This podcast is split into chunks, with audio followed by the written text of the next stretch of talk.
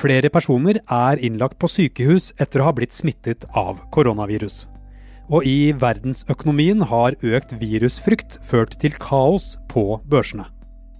Dette er korona kort forklart fra Aftenposten, og i dag er det mandag 9. mars.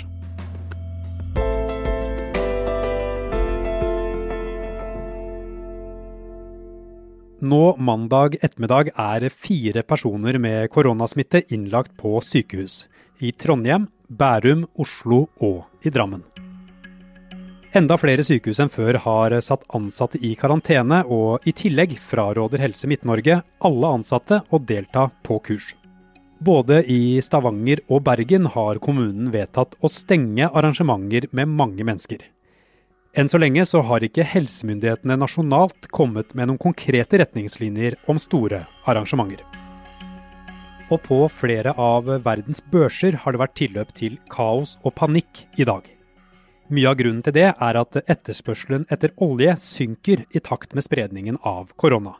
Og da verdens største oljeproduserende land ikke ble enige om kutt i produksjonen, så falt oljeprisen kraftig. Og det påvirker hele verdensøkonomien negativt. Vi får en eh, oljepriskrig oppå en eh, koronakrise, som om ikke det ene var nok. Mm, mm. Eh, og dermed så er det jo fritt fall på Oslo Børs i dag når oljeprisen er så mye ned. Den handler jo nå på 30-tallet et sted. Så det er klart dette er ille for norsk økonomi. Så det vi er på I tillegg skal Folkehelseinstituttet lage en ny beredskapsplan for håndteringen av det nye koronaviruset. Frem til nå så har helsemyndighetene brukt den gamle beredskapsplanen for influensapandemi fra 2014.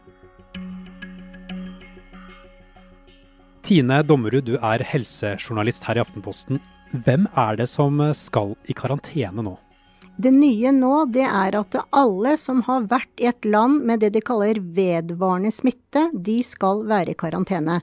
Det gjelder f.eks. alle de som har vært i Nord-Italia på skitur. Nå har det også vært smittede i Østerrike, sånn at folk må bare gå inn på Folkehelseinstituttet og se hvilke land det gjelder. Og det gjelder selv om de ikke er smittet selv? Alle som har vært i et land med vedvarende smitte, skal i karantene. Og grunnen til det er at en stor prosentandel av dem som er blitt smittet, de har vært på skitur i Nord-Italia. Det er derfor helsemyndighetene bestemte dette nå i helgen. I tillegg skal alle som har vært i et rom med en som det viser seg har vært smittet. De skal i karantene. Så i forrige uke var det et møte hvor det var mye helsepersonell til stede, hvor det senere viste seg at en ansatt på Sunnaas var smittet. Alle de som hadde vært på det møtet, fikk beskjed om å være i karantene. Og da er det 14 dager som gjelder? Da er det 14 dager som gjelder, og da skal man altså ikke ta offentlig kommunikasjon. Man skal ikke være tett på andre mennesker. Man skal ikke gå i butikken. Altså, man må være en meter unna alle andre mennesker, selv om man ikke er smittet, men bare er utsatt for smitte.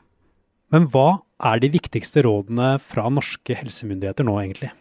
Det viktigste rådet fremdeles, det er jo dette med håndhygiene. Fremdeles håper helsemyndighetene i Norge at de kan utsette smitteutbruddene. Det gjelder også uh, rådet om å være fornuftig. Det er ikke nå du skal besøke bestemoren din på sykehjem hvis du nyser og er snørrete.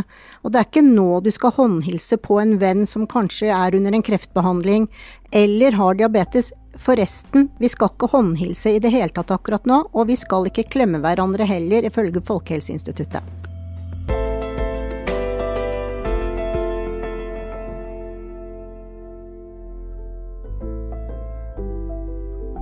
Det her var korona kort forklart. Vi i Forklart gir deg det viktigste om koronaviruset de ettermiddagene det er noe nytt å fortelle.